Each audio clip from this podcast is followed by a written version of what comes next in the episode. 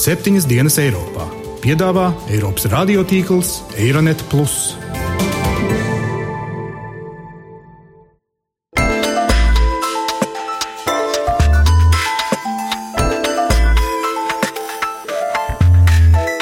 Šonadēļ septiņas dienas Eiropā dzirdēsim. NATO ir mūsu drošības garants. Mūsu pašu bāzes tās arī ir NATO bāzes. If Estonia can do it, other allies can too. Izmest vējā naudu tā jau nav māksla.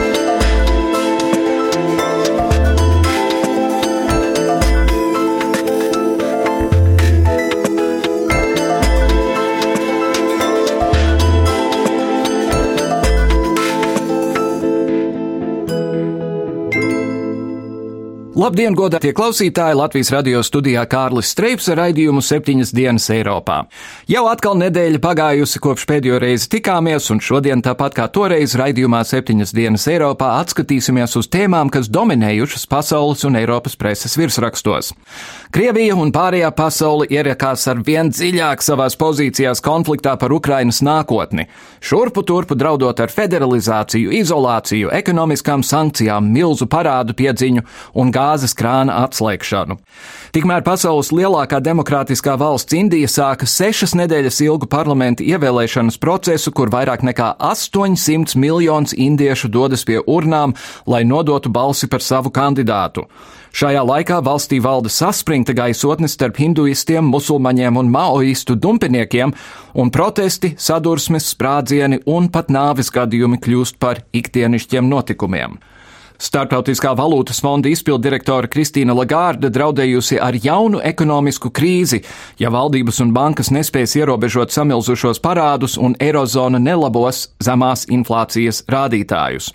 Savukārt Pasaules veselības organizācijas partneris The Cochrane Collaboration nācis klajā ar pētījumu, kur pierādīts, ka pretgripas vakcīna Tamiflu ir bez pierādītas medicīniskas iedarbības. Šī ziņa nākusi kā trieciens tām pasaules valstīm, kas pēdējos gados izdevušas simtiem miljonus eiro, lai nodrošinātos pret gripas pandēmiju. Toties turpmāko pusstundu raidījums septiņas dienas Eiropā pievērsīsies tieši Eiropas un Latvijas drošības jautājumiem. Par godu mūsu līdzdalības desmitgadēju raidījumu veltam Ziemeļatlantijas līguma organizācijai vai NATO. Runāsim par jaunā ģenerālsekretāra izraudzīšanu, notikumiem Krievijā un pie Ukrainas robežām, par mūsu pašu robežu nosargāšanu, kā arī spriedīsim par NATO nākotni. Bet vispirms manu kolēģu Maijas Surskas un Gita Siliņa sagatavotais atskats par pēdējās nedēļas galvenajiem Eiropas notikumiem.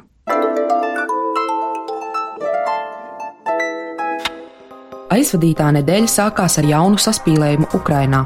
Prokrieviski noskaņotie separātisti Ukrainas austrumu pilsētās, Harkovā, Doņetskā un Luganskā ieņēma administrācijas ēkas un pieprasīja sarīkot tādu pašu referendumu par pievienošanos Krievijai, kāds norisinājās Krimā.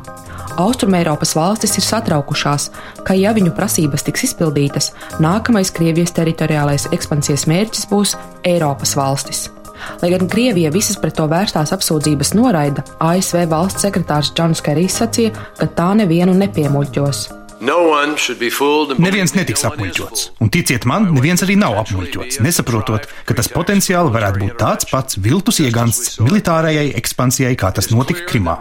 Skaidrs, ka Krievijas spēcdienesti un aģenti ir tie, kas katalizēja šo hausu. Daži pat tikuši apcietināti un ir atmaskoti. Lai gan Kijavas varas iestādes un starptautiskā sabiedrība norādīja, ka tas izskatās pēc Krievijas sabotāžas, notiekošais ir ļāvis plašāk sadzirdēt reģionus. Preses konferencē Donbasā Doņetskas mērs Aleksandrs Lukņenko sacīja, ka separātisti ir sākuši organizēties paši, jo Kieva neieklausās reģionu prasībās. Jaunā vara, diemžēl, līdz galam nesaprot, kas šajā brīdī Donbasā notiek. Jā, ēku sagrābšana ir nelikumīgi un slikti. Nav arī pieņemama, ka laukumā skan separatistu lozungi, taču tās visas ir nepareizas varas iestāžu politikas sekas un nevēlēšanās iedziļināties un izprast problēmas. Neapmierinātība ar reģionu atstāšanu novārtā ļāvusi Krievijai kārtējo reizi uzsvērt federālisma nozīmi. Respektablais dienas laikraksts New York Times par to sacīja šādi. Jau no protestu kustības sākuma Kremlis ir izvirzījis vienu centrālo prasību, kas no pirmā skatu punkta nemaz neliekas tik nepamatota. Tā vēlas, lai Kieva pieņem federālo pārvaldības sistēmu, kas piešķirtu daudz lielākas pilnvaras Ukrainas reģioniem. Tas nodrošinātu, ka Ukraina nebūtu noskaņota pret Krieviju un ilgtermiņā neaizbēgtu no Krievijas ekonomiskās un militārās orbītas. Mēģinot atrisināt saspringto situāciju, ASV, Eiropas Savienība, Krievija un Ukraina ir vienojušās, kādā no Eiropas valstu galvaspilsētām sanākt uz pirmajām četrpusējām sarunām kopš Krimas aneksijas februārī. ASV valsts sekretāra palīdze Eiropas un Eirāzijas jautājumos Viktorija Nūlande gan sacīja, ka no sarunām daudz netiek gaidīts, taču ir svarīgi visas diplomātiskās durvis turēt atvērtas. Turpinot referenduma tematiku, Spānijas parlaments noraidīja Katalonijas lūgumu ļaut rīkot referendumu par atdalīšanos no Spānijas. Katalonijas prezidents Artūrs Mass gan sacīja, ka referendums notiks tik un tā. Tas ieplānots novembrī, divus mēnešus pēc Skotijas referenduma, kuram kataloņi cieši sekos līdzi.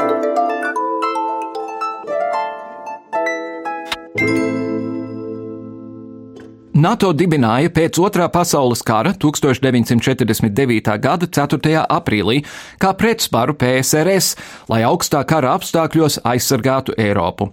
Ziemeļatlantijas līguma un organizācijas galveno jēgu vēl līdz šodienai nosaka tā 5. panta pirmais teikums proti. Puses vienojas, ka bruņotu uzbrukumu vienai vai vairākām no tām Eiropā vai Ziemeļamerikā uzskatīs par uzbrukumu visām dalību valstīm, un tādēļ tās apņemas, ka šāda uzbrukuma gadījumā katra no tām, izmantojot individuālās un kopējās pašaizsardzības tiesības, kas paredzētas apvienoto nāciju organizācijas hartas 51. pantā, sniegs palīdzību pusē vai pusēm, kas pakļautas uzbrukumam, individuāli un kopā ar citām pusēm veicot pasākumus, kurus tās uzskata uzskata par nepieciešamiem, ieskaitot bruņota spēka pielietošanu, lai atjaunotu un saglabātu Ziemeļatlantijas reģiona drošību. Vai īsāk sakot, ja Krievija kaut ko mēģinās uzsākt, NATO mums palīdzēs. Par to, vai Latvija var paļauties uz NATO vien, lai nodrošinātu savu drošību, manas kolēģis Gitas Siliņas veidotajā sižetā.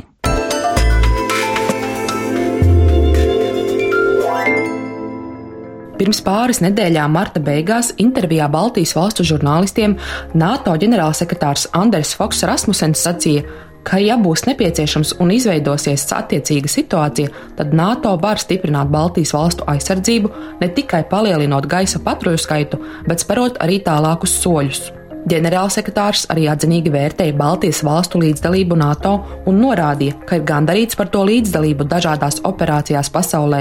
Vienlaikus Rasmussens bažīgi vērtēja situāciju par Latvijas un Lietuvas nespēju veltīt savai aizsardzībai nepieciešamos 2% no iekšzemes koprodukta. Es saprotu, ka tas ir grūti ekonomiskās krīzes dēļ, taču Krīma ir parādījusi, ka mēs mieru Eiropā nevaram pieņemt kā pašsaprotamu. Ja Igaunija to spēja, kāpēc pārējās Baltijas valsts lai to nevarētu? Esam saņēmuši signālu, ka uzmanība būtu jāpievērš problēmai pastiprināti.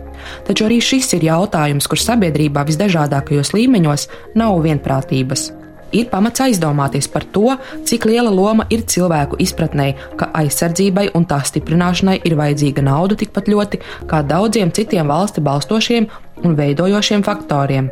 Nacionālo bruņoto spēku komandieris ģenerālleitnants Raimons Graubi norāda, ka viens no cēloņiem ir sabiedrības neinformētība. Redziet, es gribēju teikt, ka mēs esam parādā, mēs visi arī valsts pārvalde, es domāju, arī žurnālisti, tā skaitā, visi kopā esam parādā skaidrus skaidrojumus mūsu sabiedrībai par to, ka valsts vispār eksistence, suverenitāte sastāv no vairākiem tādiem fundamentāliem pilāriem, balstiem. Ārējā drošība ir viena no šīm fundamentāliem pilāriem, un tā tiek organizēts visas valsts, un šeit 2% nav kaut kāda mistiskas skaitlis, kas ir nepieciešams NATO vai kā. Tas ir mums pašiem. Diemžēl pasauli nav mierīga. Pirms kādiem sešiem gadiem mēs varbūt domātu savādāk, un Eiropa domāja savādāk. Tagad mēs redzam, kas notiek Ziemeļāfrikā, kas notiek Sīrijā, kas notiek arī tagad Ukrainā. Tā kā pasaule nav ideāla un valstī ir jārūpējas par savu drošību. Tāpat arī aizsardzības ministrs Raimons Vējonis norāda, ka joprojām ik uz soļa sarunās citu valstu vadītāji un augsta līmeņa NATO militāra personas atgādina par mūsu saistībām ar NATO. Protams, mums diviem procentiem jau bija jābūt un tāpēc pašreizējā aizsardzības budžeta tendence, kas ir, man nav pieņemama. Bet te pašā laikā mēs, protams, strādājam uz to, lai pilnībā nodrošinātu vismaz šo nospraustu mērķi, kur mēs tātad paredzam šo pakāpenisku ikgadēju aizsardzības budžeta palielināšanu, lai tiešām mēs 20. gadā sasniegtu šos 2% no Latvijas iekšzemes koprodukta, un tas jau pirmām kārtām jau ir vajadzīgs ne tik daudz NATO, teiksim, šo saistību izpildē, bet šie 2% mums pirmām kārtām vajadzīgi, ja lai mēs stiprinātu mūsu nacionālos bruņotos spēkus. Kāda ir Latvijas sadarbība ar NATO? Gan Vējoņa kungs, gan komandieris Graube akcentēja, ka sadarbība starp NATO un Latviju, tāpat kā starp Eiropas Savienību un Latviju, notiek vairākos virzienos. Turpina aizsardzības ministrs Raimons Vējonis. Latvijas un NATO sadarbībai tie ir divos virzienos. Pirmām kārtām tas ir tas, ko arī Latvija un visas pārējās Baltijas valstis lūdz attiecībā uz NATO spēku klātbūtnes palielināšanu reģionā, kas notiek ar dažādiem veidiem. Pirmkārt, caur gaisa patrulēšanas lidmašīnu skaita palielināšanu, iespējām šeit reģionā var būt izveidot kādu NATO bāzi, pa ko pašlaik notiek izvērtēšana un būs diskusijas nedaudz vēlāk aprīļa beigās maijā. Un, protams, tas ir daudz aktīvāka NATO spēku līdzdalība kopīgās militārajās mācībās. Komandieris kā būtisku akcentēja arī dalību ātrās reaģēšanas spēkos, kurā šobrīd Latvija atrodas kaujas dežūrā.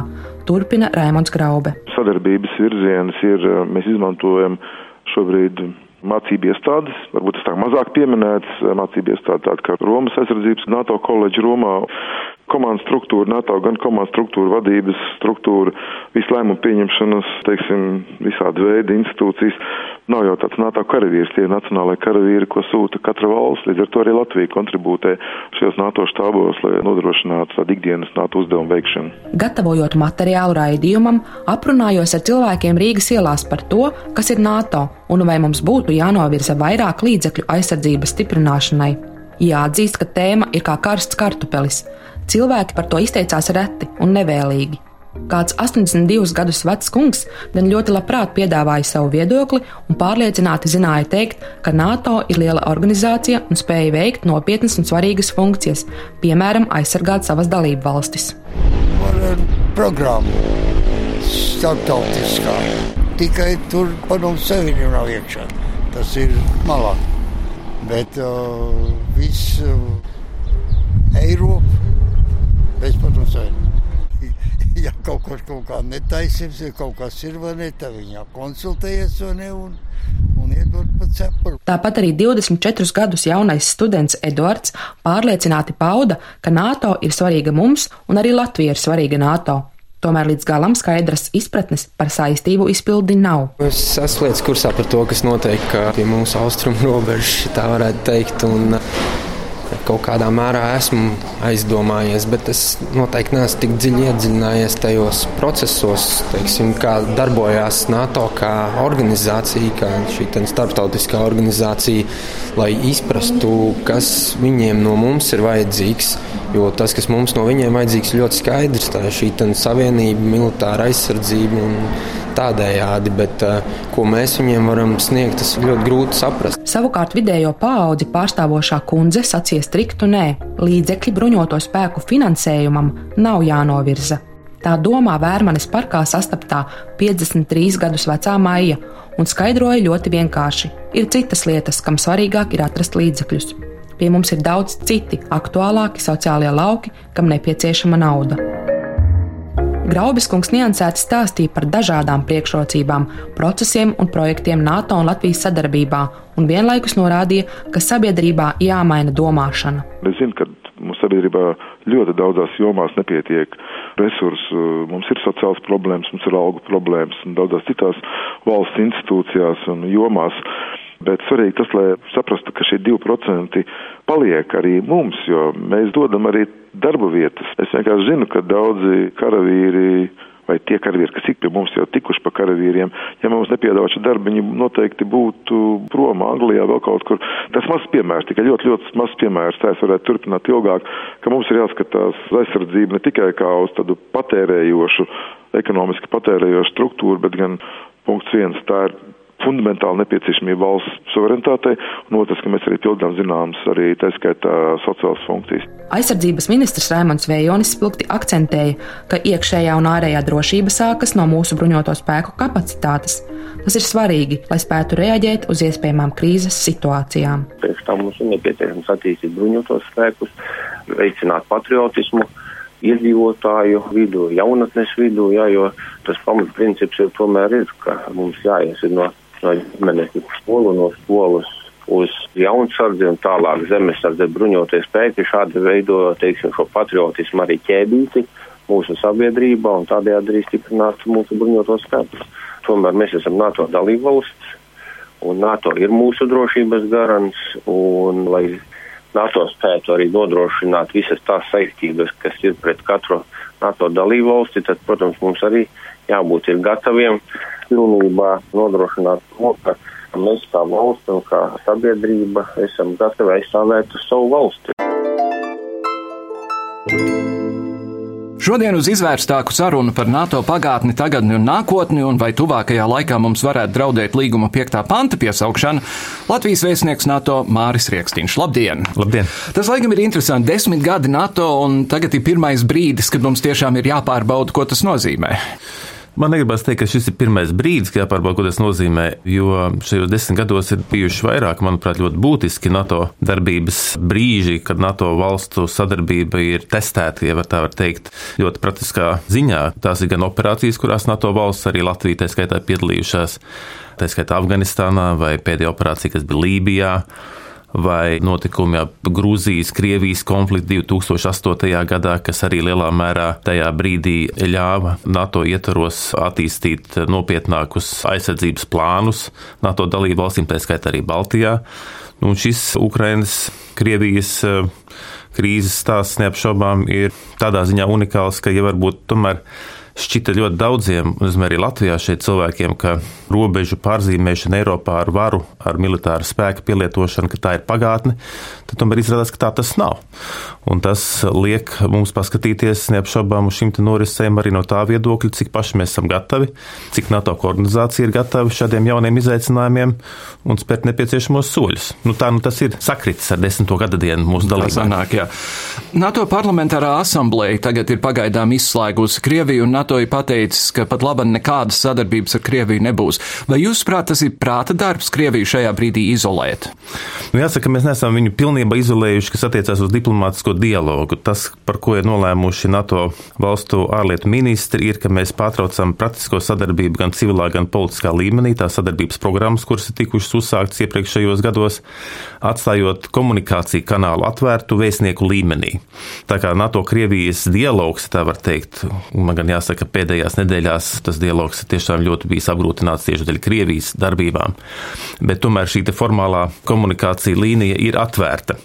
Es domāju, ka šeit mums jārunā par to, ka šobrīd gan NATO, gan Eiropas Savienība, gan apvienotās nācijas, gan Eiropas drošības sadarbības organizācija, gan Eiropas padoma, gan Eiropas padomas parlamenta asambleja, nu, faktiski visas šīs starptautiskās organizācijas vienā vai otrā veidā ir pieņēmušas lēmumus vai rezolūcijas, kā nu kur organizācijā tas ir pieņemts, kas atspoguļo starptautiskās sabiedrības ļoti negatīvu attieksmi pret to, ko Krievija darījusi Ukrainā. Krievija ir izpelnījusies plašu starptautisko nosodījumu, un faktiski mēs runājam par to, ka viņa pati sevi ir izolējusi šobrīd. Skaidrs, ka tā nav bijusi starptautiskās sabiedrības izvēle, jo tie aicinājumi gan no valstīm atsevišķi kontaktos ar Krieviju, gan arī no starptautiskām organizācijām Krievijas virzienā, tie signāli, kas ir raidīti gan pagājušā gada beigās, gan jo īpaši šī gada sākumā, tomēr visu laiku ir aicinājuši Krieviju uz konstruktīvu darbību. Diemžēl šāda darbība nav sekojusi. Un es domāju, ka mums kā valstī, kas varbūt nav lielākā pasaulē ne pēc saviem cilvēku resursiem, ne finanšu resursiem, ne teritorijas, mums jau īpaši, manuprāt, ir būtiski, ka starptautiskās attiecībās tiek ievērotas starptautiskās tiesības. Kā mēs redzam, tie lielie kādreiz šīs starptautiskās tiesības neievēro. Mūsu interesēs būtu, ka šīs tiesības tiek ievērotas, un tad, kad tās netiek ievērotas, kā šajā gadījumā, tad seko zināmas sankcijas vai zināms sots.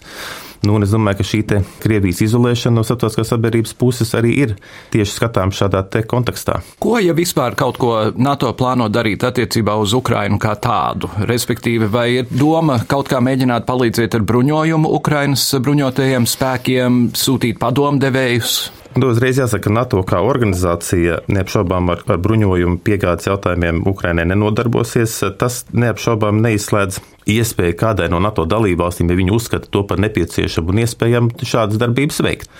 Ko NATO kā organizācija no savas puses mēs darām? Mēs atbalstam vai palīdzam tālāk attīstīt Ukrainas bruņotos spēkus ar saviem padomdevējiem, aicinot arī viņus uz apmācībām uz dažādu raksturu sadarbības programmām. Jāsaka, Ukraina īstenībā arī iepriekšējos gadus ir bijusi ļoti tūs sadarbības partners NATO. Ukraina piedalījusies gandrīz vai visās NATO vadītajās operācijās. Tā ir skaitā partnerattiecības mierām. Tā ir skaitā partnerattiecības mierā, bet arī ļoti praktiskās operācijās, kā manis jau piesauktajā Afganistānā vai arī Balkānos un Vidusjūrā. Tā kā Ukraina bija labs partneris, bet es domāju, šeit, un par to jau nevienu reizi vien arī Latvijā mēdījos ir runāts, ka tomēr no NATO puses tiek diezgan strikti nodalīts partneris, pat ja viņš ir labs partneris un dalībvalsts. Un neapšaubām visu pirmā un galvenā NATO atbildība un uzdevums ir rūpēties par savu dalībvalstu, par šo dalībvalstu teritoriju un par šo dalībvalstu iedzīvotāju drošību. Un tas ir tas, uz ko arī galvenie pūliņi pat labam Riselē tiek vērsti tieši strādājot pie pasākumiem, kas zināmā mērā Nu, ja jāsaka, ir tāda atbildes reakcija uz to, ko Krievija darījusi pēdējos mēnešos. Ja runājam par konkrēti Latviju un NATO, NATO ģenerālsekretārs šajās dienās atkal ir nācis ar savu veco tekstu attiecībā uz tiem diviem procentiem no IKP, sakot, Igaunija varēja, kāpēc Latvija un Lietuva nevarēja.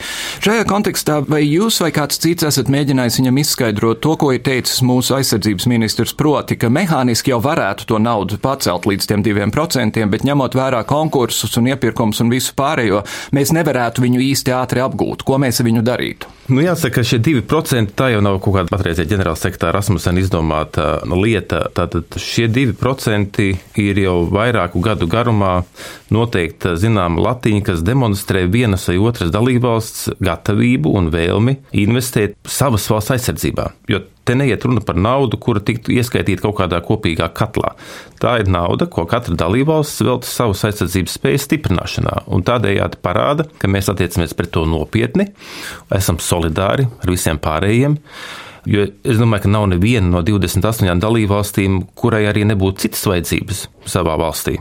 Vai tas attiektos uz izglītības jomu, vai uz veselības aizsardzību, vai ko citu tā ir zināma solidaritātes demonstrācija. Un, protams, ka, ja mūsu kaimiņos atrodas Igaunija, kurai es šaubos, vai viņai būtu fundamentāli atšķirīgas problēmas, kuras būtu risināmas savā valstī no Latvijas jautājumiem, ja viņi tomēr nu, jau divu gadu garumā spēja atlicināt savas aizsardzības spējas stiprināšanā šos 2% no koprodukta, bet Latvija un Lietuva ir gan arī citas valsts, kas to nespēja, tad skaidrs, ka mēs zināmā mērā parādām, ka uh, īsti solidāri mēs neesam. Mēs vēlamies, lai kādā krīzes brīdī citi mums nāk palīgā, tajā pašā laikā no savas puses nedemonstrējam arī savu gatavību paši rūpēties, zinām, mērā par savu drošību. Skaidrs, ka mēs esam ģenerāls sekretāram un arī pārējiem NATO dalībvalstu pārstāvjiem klāstījuši šo īpašo situāciju, kad Latvija bija tā valsts Eiropā, kur varbūt vissmagāk tika skarta ar globālo finansu krīzi. Un, zinām, izpratne arī ir, protams, par to, ka tā situācija Latvijā bija ļoti sarežģīta. Tas, kas tiek sagaidīts no mūsu puses, ir, ka mēs pakāpeniski atgriežamies šajā līmenī pie tiem diviem procentiem no iekšzemes koprodukta aizsardzības spējas stiprināšanā. Ir pozitīvi uzņemta tā ziņa, ka 2012. gadā Latvijas Republikas saima, kad tika apstiprināta valsts aizsardzības koncepcija, tad vienbalsīgi šo koncepciju apstiprinot, arī tika noteikts, ka mēs panāksim šos 2% aizsardzības spēju stiprināšanai līdz 2020. gadam. Tas ir piefiksēts, tas arī, manuprāt, ir pozitīvi novērtēts, un tagad ir svarīgi, lai mēs konsekventi gadu no gada, strādājot pie valsts budžeta, parādītu, tendence, ka mēs ejam tajā virzienā. Es domāju, ka neviens jau nesagaida, ka ir iespējams gada laikā, un te tiešām Vējoņa kungam ir taisnība, ka saka, no viena budžeta uz otru būtu tas milzīgais pieaugums, tad diez vai varētu runāt par racionālu un liederīgu šo līdzekļu apgūšanu. Izmest vējā naudu tā jau nav māksla. Protams, ka ilgstošākas investīcijas arī prasa vairākus gadus, bet vēlreiz gribu atgriezties pie tā, ka mums būtu jāuzrāda šī pozitīvā tendence gadu no gada budžetā tieši pieauguma aizsardzības jomā. Ja mēs runājam tad savukārt par ārpuses palīdzību, mums eh, jau tagad mūsu debesīs ir vairāk šo NATO vai NATO dalību valstu lidmašīnu, kas sargā mūsu gaisa telpu. Cik tālu ir sarunas par iespēju, ka te varētu kādu bāzi izvietot vai kaut ko tam līdzīgu? Nu, pirmkārt, man šķiet, ka Latvijā varbūt dažkārt mēs tā raugamies tā vienkāršot, uzskatot, ka mūsu pašu militārās bāzes tās ir mūsu bāzes un NATO bāzes tā būtu kādas citas valsts cilvēku ierašanās šeit. Patiesībā tās ir NATO Īstenībā bāzes. mūsu pašu bāzes tās arī ir NATO bāzes. Bet es saprotu šo jautājumu tātad par kādiem papildus militāro resursu izvietošanu mūsu teritorijā. Jā, tiešām attiecībā uz gaisa telpas paturēšanu šeit ir pieņemta lēmuma par papildus lidmašīnu iesaistīšanu. Teiksim, līdz šai Ukraiņas krīzei Baltijas gaisa telpa paturēja vidēji četras lidmašīnas, kas atradās šajā dežūrā. Tad tagad tās jau ir desmit, un ar māju mēnesi tās būs 12 arī paredzot viņu izvietošanu ne tikai Lietuvā, bet ļoti iespējams tas varētu būt Igaunijā, tā lai nosētu varbūt operatīvāk visu šo Baltijas gaisa telpu. Uz šo brīdi militārie eksperti gatavo citus priekšlikumus, balstoties uz to mandātu, ko viņiem dažas dienas atpakaļ Briselē savā sanāksmē deva NATO dalībvalstu ārlietu ministri. Tiek sagaidīts, ka šie priekšlikumi par to, kā nostiprināt citus aizsardzības sektorus dažādos NATO austrumu reģionos. Mēs sagaidām nākošajā nedēļā šos militārus sagatavotos priekšlikumus, tad būs pēc tam politiskais lēmums. Līdz ar to šobrīd es nevaru atbildēt uz jūsu jautājumu, ne jā, ne nē, un ja jā, tad kurā vietā. Bet es varu tikai apstiprināt to, ka darbs notiek ļoti nopietni, jo, kā jau es minēju, tiksim, pēdējo mēnešu notikumi pie Ukrainas robežām, Krimā parāda, ka mēs dzīvojam citā realitātē. Savukārt, zināms ir tas, ka pie mums tiek veidots tā dēvētais NATO izcilības centrs. Vai jūs varētu pateikt klausītājiem, kas tas īsti ir un ar ko tas nodarbosies? Tā jau ir vairāk gadu garumā eksistējoša praksa, ka dalībvalstis mēģina vienā vai otrā jomā pie sevis attīstīt īpašas zināšanas, īpašas nišas spējas. Kā piemērs var minēt, Igaunijā ir NATO izcelības centrs kiberaizsardzības mm -hmm. jomā. Lielā mērā šī izcelības centra Igaunijā veidošanu pamudināja tie kiberuzbrukumi, ko Igaunija izjuta uz savas ādas, tad, kad tika pārcēlts šis bronzas karavīrs no pilsētas centra uz kapiem. Un tad viņi tiešām izjūt ļoti spēcīgu kiberuzbrukumu, un radās jautājums, ko mēs varam likt pretī, kā mēs varam apkopot tās zināšanas, kas ir NATO dalībvalstu vidū vienā konkrētā vietā, lai nodrošinātos ar zināšanām un arī ar nepieciešamām citām jaudām, lai nākotnē būtu spējīgāk šāds uzbrukums atvairīt. Uz šobrīd ir 21, ja nemaldos, izcilības centrs dažādās NATO dalībvalstīs. Latvijā Celtiesas komunikācijas izcilības centrs šis būtu pirmais izcilības centrs pie mums. Es domāju, nosaukums pats par sevi jau daudz ko izsaka. Lielā mērā pamudinājums šāda izcīņas centra veidošanai ir tas, ka pēdējās militārās operācijās, kurās iesaistījās NATO valstu bruņotie spēki, viena no mācībām, kas tika gūta, ir tā, ka spēja komunicēt gan ar vispārējo auditoriju, gan specifiskos virzienos, nodot savu ziņu par to, ko mēs darām, kāpēc mēs darām, viņa ir nepilnīga. Mēs redzam, ka daudzās NATO dalībvalstīs cilvēkiem nav šo zināšanu. Bieži vien, ja tā var teikt, mēs izlāpamies ar to, ka amerikāņiem ir attīstīta spēja šajā ziņā, bet nevienmēr varbūt angļu valodā ar amerikāņu akcentu runājošs cilvēks ir ikurā tas labākais.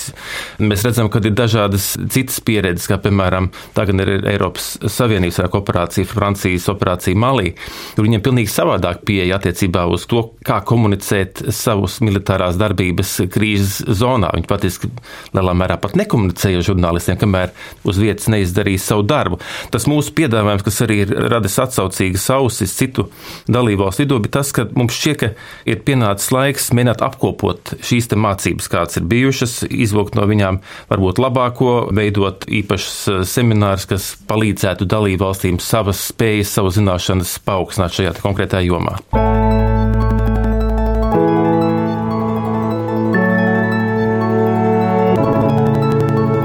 Kā vienmēr mums pēdējais jautājums viesiem ir, kuriem Eiropas vai pasaules notikumiem nākamnedēļ noteikti būs jāpievērš uzmanība. Jūs laikam jau savā jomā atbildējāt, nākamnedēļ ir gaidām priekšlikumi par to, ko darīt tālāk Baltijas valstīs. Jā, nu man šķiet, ka tiešām vismaz tas, kas attiecās uz NATO, tad tieši šī krīze Ukrainā, joprojām būs mūsu uzmanības centrā.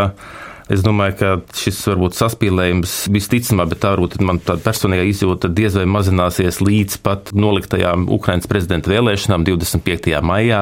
Mēs redzam to joprojām ļoti augsto retorikas līmeni, kāds nāk no Krievijas puses. Mēs redzam šos provokātors, kas darbojās Ukrainas austrumu teritorijās. Tā kā tas saspīlējums, es ceru, ka viņš mazināsies, bet nu, tāds pārliekas optimisms šeit nav. Tā kā pamatdarbs, vismaz tas, kas attiecās uz Ziemeļatlantijas aliansi, saistīsies ar šo te Ukrainas krīzi. Mūsu vēstnieks NATO Māris Rieksniņš, paldies par sarunu. Paldies par uzaicinājumu.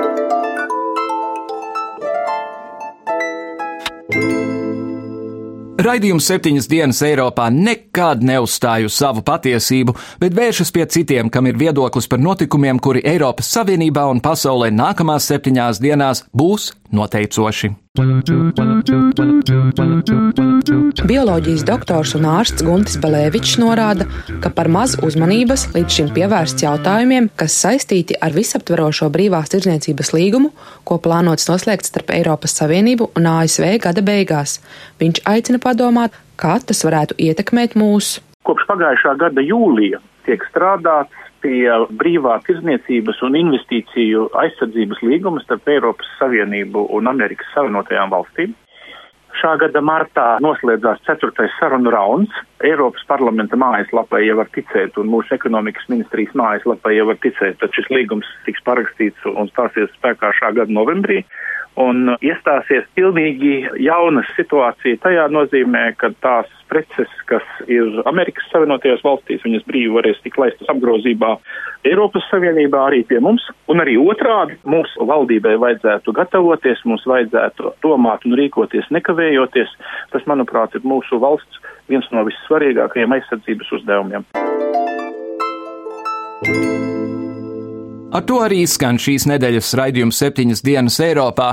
Ja nu reiz ir kaut kas, par ko mēs Latvijā varam būt pateicīgi, tad tas ir par to, ka NATO pārkāpa dažādus iebildumus un dažādas šaubas un pirms desmit gadiem mūs uzņēma savā pulciņā. Minētais piektais pants NATO līgumā nevar tikt pārvērtēts pārāk daudz. Paldies, dāmas un kungi, ka šonadēļ klausījāties. Atgriezīsimies šajā pašā laikā nākamnedēļ. Pagaidām Kārlis Streips jums saka visu labu!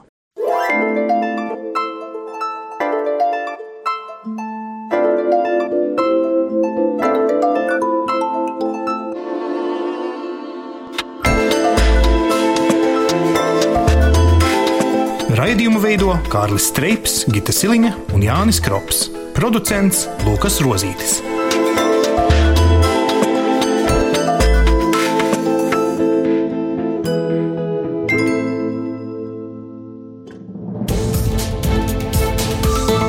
Visus Eironet plus sižetus un raidījumus meklējiet Latvijas radio mājaslapā.